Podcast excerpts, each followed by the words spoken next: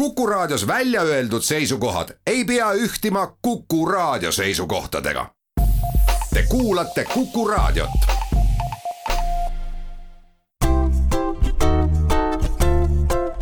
patsiendiminutid, Patsiendiminutid toob teieni Eesti Patsientide Liit tere, hea Kuku kuulaja! mina olen Kadri Tammepuu ja tänane saade on pühendatud külmetushaigustele ja sellele, et neile pidavat saama säru teha ja haigestumist ka heal juhul vältida teatud vitamiinidega. mul on hea meel, et teisel pool kõnetraati olen selgituseks liinile püüdnud meditsiini biokeemiku, Tartu Ülikooli professori, teadlase Mihkel Silmeri. tervist, Mihkel! tere, tere! Teeme kohe alguses kuulajale selgeks ka, et meie räägime täna sina. jaa, ikka. tihti kasutavad inimesed sõna külmetushaigused, mis sa arvad, kas seda võib kasutada või tohib kasutada, sest on ju ka teada, et viirushaigus ei tule üldsegi mitte külmetamise tagajärjel? jah, enne kui ma seda natuke seletan, siis ma ütleks, et väga tore on selles saates rääkida ja ma kordan, et minu rääkimise moto on alati see, et normaalne ühiskond on võimalik ainult siis, kui teaduspõhisus ja mõistuse põhine mõtlemine on koos kasutusel ja seda me kindlasti sinu kenas saates ka teeme. aga mis puutub terminit külmetushaigused, siis vot mõnikord on nõndamoodi, et mõnede asjade puhul peavad olema sellised triviaalsed terminid, mis alati ei ole nüüd ideaalselt täpsed, aga väga selgesti annavad sõnumi, et vot ka selle nii-öelda külmetusega seotuna on sellised haigused olemas, sest noh, selliseid termineid on maailmas palju, nii et ma ei näe nagu põhjust seda terminit kõrvale jätta. aga mõistlik on alati seletada, et ei pruugi alati olla asi seotud külmetusega igal juhul viirused juba ringlevad, kui nüüd minna siis lähemale sellele hooajalisele küsimusele, mis meil ikka igal sügisel ees on, on äh, seesama, et äh, külmetushaigustesse haigestumine sageneb. no mida sina soovitad ette võtta, et inimene terve püsiks? Vot kõigepealt ma ütleks, head kuulajad, ega need viirused ei ole kusagil varem olnud kusagil kadunud, kogu aeg on sellised asjad olemas ja sellised niinimetatud külmetushaigused on ka kogu aeg olemas olnud. ja vot meie pikas evolutsioonis on ju loodus seda meie puhul ka ette näinud, sest vaadake, ma toon ainult ühe näite, täiesti tasuta päikesekiirguse abil tekib meile nahka vitamiin D3. Te võite uskuda, et pikas evolutsioonis on sellele loodus leiutanud nii palju kasulikke ülesandeid meie organismis, et las aga olla. loomulikult on tarkus läinud edasi, on saadud sellest täpsemalt teada, toimemehhanismid on teada ja seda teavet kasutatakse ka loomulikult selliste spetsiaalsete soovituste puhul, nii et täiesti kindlasti selline asi töötab. tõepoolest, kunagi paarkümmend aastat tagasi istus Mihkel Silmer maha ja mõtles, et pagan, sa oled ainevahetuse professor lapselapsed toovad sulle kogu aeg köha ja nohu lasteaiast kohale, et aitab, et tuleb selle asjaga ära lõpetada, mitte lapselastel lasteaias käimine, vaid midagi välja mõelda. Ja ma panin kokku sellise profülaktilise kaitsva komplekti, mis ei ole mingisugune ravim, kasutatud on üle kahekümne aasta, töötab uskumatult edukalt ja see on kõik kenasti kirjas muide, ma märkasin äh, internetiavarustes lehekülge rajakas.com ja seal oli rubriik äh, Kasulik teada ja soovitus, kuidas vitamiine kasutada. kas äh, info sellel lehel on õige? Jaa, täpselt nii, sellepärast et äh, ma olen seda kompleksi, ma ei ole väga nii-öelda, nagu sa tead, hea Kadri, ma ei kuulu nende hulka, kes armastab asju reklaamida väga. ja ma olen oma sõpradele ja tuttavatele rääkinud ja tagasiside on läbi aastate olnud noh, nii-öelda pöörane. ja kuna nüüd viimasel ajal, ma mõtlen ainult Covidiga, aga paar-kolm aastat on väga palju küsitud, siis kui trükkida internetti sisse rajakas, võib ka C-tähega kirjutada, võib ka K-tähega kirjutada, rajakas kasulik teada, siis te saate täpselt detailselt lugeda, milline näeb välja see organismi kaitsevõimet toetav profülaktiline kompleks ja mis on väga oluline, kuidas seda kasutada ja millest ta koosneb. Päris kõigil inimestel kahjuks veel interneti kasutamise kogemust ei ole, äkki sa lühidalt ütled ka neile, mis on siis see vitamiinide kompleks või mis on need vitamiinid, mis tervist toetavad? ja siin ei ole ainult vitamiinid ja seekord natuke ka täpsemalt, sest märtsis rääkides ma ei rääkinud atsetiilsüsteenist, see oli teadlik valik, aga kuna noh, see Covidi probleem on ka ikkagi olemas veel kogu aeg, siis nüüd täpsemalt. sinna kuulub tegelikult neli komponenti, tuleb muretseda C-vitamiin, osta üks multikompleks, kus on siis kõik, sealt on natuke ka C-vitamiini ja kindlasti vaadata, et selle multikompleksis oleksid ka magneesium, tsink ja seleen. no seal võib muid mineraalaineid ka olla. siis tuleks muretseda vitamiin E kompleks ja osta atsetüülsüstein ja põhimõte on selles, kasutada tuleks siis, kui teil hakkab selline tunne, et te hakkate haigeks jääma, külmatunne, kurk hakkab kibedaks tõmbuma või ka sellel Covidi perioodil, kui te näiteks saate informatsiooni, et te olete puutunud kokku Covidi haigega, siis ma soovitan kindlasti selle kompleksi korra teha. nüüd edasi, või te lähete kuhugile, kus on palju rahvast, siis ma soovitan ka selle kompleksi teha. külma pean ikkagi ütlema, head kuulajad, vaadake internetist seda manustamise skeemi, skeem on väga oluline, lihtsustatult öeldes on ta selline. kõigepealt esimene annus C-vitamiini, siis seda multikompleksi, noh, tavaliselt üks kuni kaks rohkem, kui on konkreetse purgi peal, siis teatud kogu C-vitamiini ja atsetüültsüsteeni. poole tunni pärast uus annus multikompleksi ja vitamiin E, tunni aja pärast järgmine annus vitamiin C-d ja seda atsetüültsüsteini ja edasi läheb siis eh, ainult C-vitamiini manustamine teatud kindlate vaheaegadega. Need vaheajad on ka vajalik selleks, et see eelmine annus ilusti imenduks, nii et näiteks tüüpiline rumalus, andke andeks, mis oli juba aastakümneid tagasi, oli see, et kui on külmetushaigus, siis manusta suu kaudu gramm C-vitamiini. absoluutselt mõttetu tegevus, sellepärast et korraga imendub kakssada kuni nelisada, milleks seda ülejäänud manustada. kui aga teha paus näiteks kasvõi tund aega siis juba järgmine annus C-vitamiini jõuab kohale. nii et kui te kõik need annused kokku liidate, siis te saate ka, te näe, näed, C-vitamiini tuleb tõesti üks gramm ja isegi natuke üle selle. nüüd, mida ma veel tahan öelda, sellel annustamistel hulkadel, kuna see on ju lühiajaline, noh, ütleme üks kord, mitte igapäevane see kindlasti ei ole ja ei peagi olema, ei ole mitte mingisugust konflikti mitte ühegi ravimi, mida te kasutate ja nota bene, pange nüüd teraselt tähele. sellesse kompleksi on automaatselt sisse kirjutatud see, et te kasutate tuhat kuni kaks tuhat ühikut vitamiin D kolme iga päev. miks just vitamiin D kolme? T3-l on nii palju unikaalseid ülesandeid, et pole midagi imestada, et ka Covidi puhul on tema osutunud selliseks väga mõistlikuks tegelaseks, sest noh, ma toon ühe näite. kui mingisugune jama tuleb niinimetatud külmetushaigustega, noh, võtame ka siia viiruse probleemid, siis immuunrakud aktiveeruvad. ma ei hakka raadios neid üles loetlema, neid immuunrakke, aga pange nüüd tähele ühte huvitavat asja. Nad aktiveeruvad ja nendel toimub ülivõimas vitamiin D retseptorite ekspressioon, noh, tekitavad endal vitamiin D retseptoreid palju, tekitavad palju, aga milleks, selleks, et enda külge võtta D-vitamiini ja saavutada uskumatult efektiivne tegevus nende sissetungijate vastu.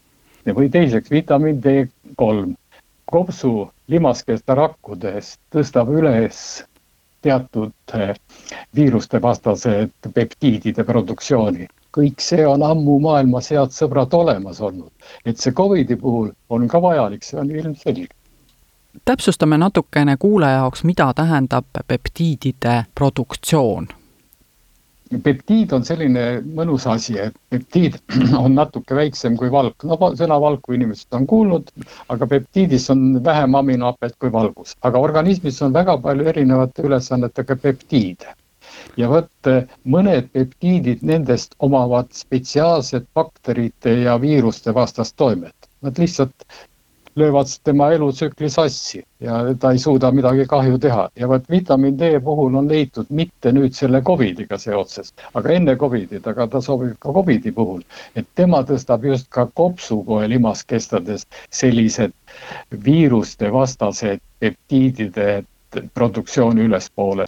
kui teie kopsukoe limaskeste rakkudes on viiruste vastaste peptiidide produktsioon D-vitamiini tõttu kõrgem, siis on ju selge see, et see viirus ei saa nii edukas olla ja kui ta isegi sinna on jõudnud, siis ta ei saa olla edukas oma nii-öelda edasises tegevuses. loomulikult see ei tähenda see, et see nüüd välistab kõik, aga pange tähele, see võtab maha selle olukorra väga tõsiselt, et see probleem väga tõsiseks võiks minna, nii et suurepärane Läheme siit väikesele pausile, aga peatselt oleme taas tagasi.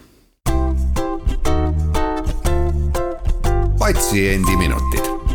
patsiendiminutid toob teieni Eesti Patsientide Liit stuudios on biokeemia professor Mihkel Silmer ja Kadri Tammepuu. me räägime täna vitamiinidest hiljuti just äh, saime lugeda, et Ameerika Ühendriikide presidendil oli ka Covid-19 ja tema raviskeemi kuulusid näiteks D3 vitamiin ja tsink ja midagi oli ilmselt seal veel.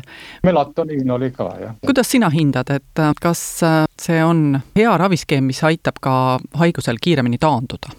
täiesti kindlasti ja küsimus on head kuulajad ju selles, Mihkel Silmera ega asjalikud inimesed ei ole mitte hetkegi kunagi nimetanud äh, vitamiine või mineraalaineid ravimiteks. pange täpselt tähele, mida ma ütlen. aga seda, et süsteemsesse ravimise skeemi kuuluvad taolised asjad, see on ju, head sõbrad, elementaarne.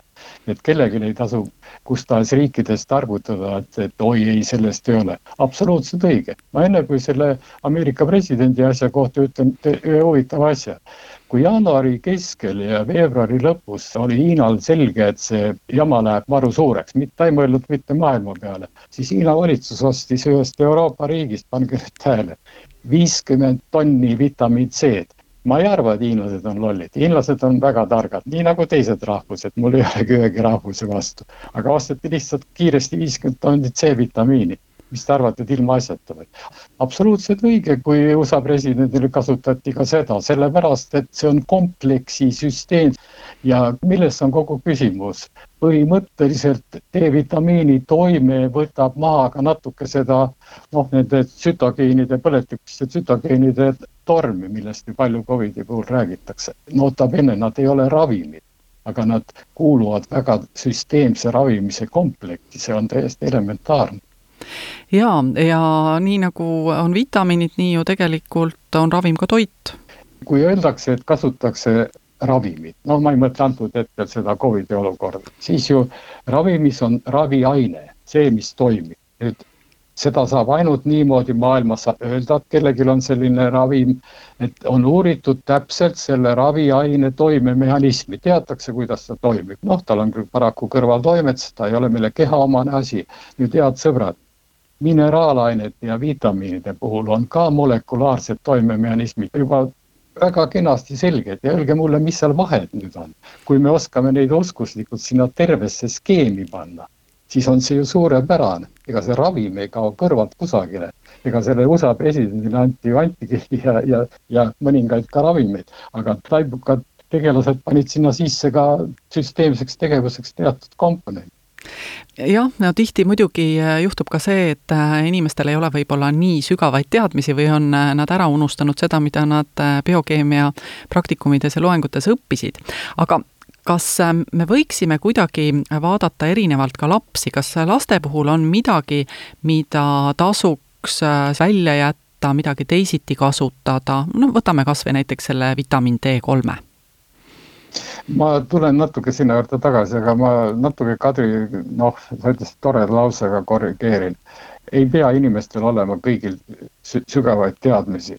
Need teadmised on võimalikud saada, küll ma tahan öelda, et hoopis halvem asi on hoopis teises kohas, mul ei ole kellegi vastu, kui mõned nii-öelda niinimetatud arvamusliidrid püüavad kasulikke asju maha tampida, vot mina pean seda asja oluliselt hullemaks kui seda, et osadel inimestel ei ole teadmisi, sest teadmisi õigest kohast saab alati ja õigeid teadmisi. ei ole mõtet kellelgi oma ego nuumata sellega, kui, kui rääkida asjadest, millest tal ei ole õrna aimugi ja rääkida tähtsa näoga. ei, no see ei tööta. töötab küll. mis puudutab lapsi, siis vastus on väga lihtne. ma räägin lastest, kes on eh, juba seitse aastat ja rohkem ka viieaastased võib, aga langetage need annused poole võrra.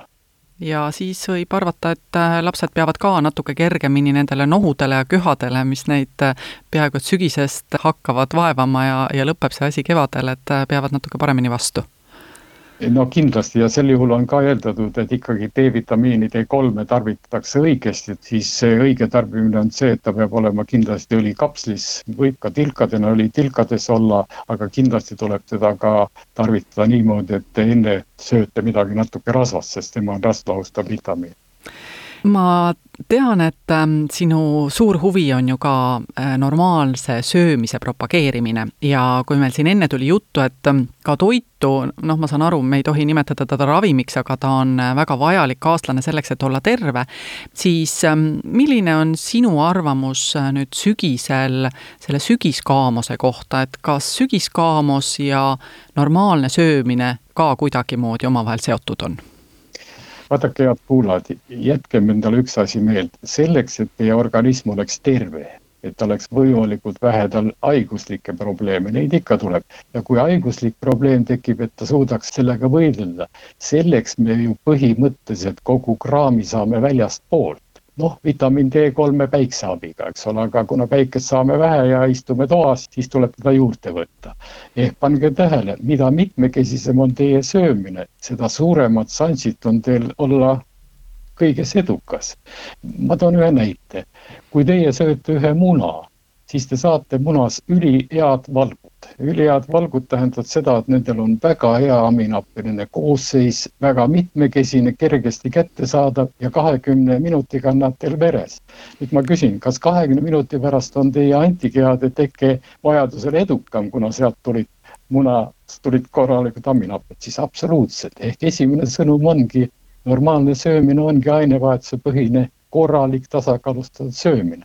nüüd, kui see on nagu paigas, pluss siis tõesti ütleme teatud lisanduste kasutamine, noh, vitamiin D3 on siin kindlasti üks selline vajalik lisandus, see on meile tsivilisatsiooniga kaasa tulnud, see probleem, et me istume lihtsalt ruumides, saame päikest vähem, ka isegi lõunamaadel istutakse ruumides rohkem, siis tõesti, kui see kõik on korras, siis mul tekib üks huvitav küsimus, mis asi see kaamus on? mina ei ole seda kunagi tundnud, sellepärast kui te olete organismile kõik andnud, siis tal ei saa füsioloogiliselt tekkida olukorda, mida nimetatakse kaamuseks. nüüd edasi, Lõuna-Eesti talupojaga väike huumoorisoovitus. vaadake, sel samal kodulehel, kus te leiate selle kasulik teada, on seal üks nupp, mille pealkiri on sõnumilaulud. kui te olete normaalne sööja ja te kuulate sealt sõnumilaule, siis ma võin teiega noh, ütleme kihla vedada, teil kaamust ei tule see on küll väga hea soovitus ja väga julge lubadus. Ma ütleks niimoodi, et see ei ole mitte julge lubadus, aga sel juhul nii-öelda naljaga pooleks on mul õigus tulla aeg-ajalt teid kontrollima, et te olete normaalne sööja. Ma usun, Mihkel, et väga paljud ootavad, et sa tuleksid kontrollima, kas nad on normaalsed sööjad. Ja aga lugege raamatut ja uurige seda nuppu, seal on see põhireegel kirjas. Ikkagi väga lihtsalt, kaheksa gruppi ei tohi puududa ühegi grupi esindaja väga pikka aega, siis olete juba üheksakümmend kuus, viis protsenti normaalne sööja. Ja väga tore, et Kadri meil ühises vestluses õnnestus teaduspõhisus panna kokku koos mõistusepõhise mõtlemisega, see on kõige olulisem suur aitäh, Mihkel, täna saatesse tulemast ja täname ka kõiki kuulajaid. stuudios olid Tartu Ülikooli meditsiinilise biokeemia professor Mihkel Silmer, küsimusi küsis Kadri Tammepuu. Kuulmiseni taas nädala pärast ja seniks püsige terved. patsiendiminutid Patsiendiminutid toob teieni Eesti Patsientide Liit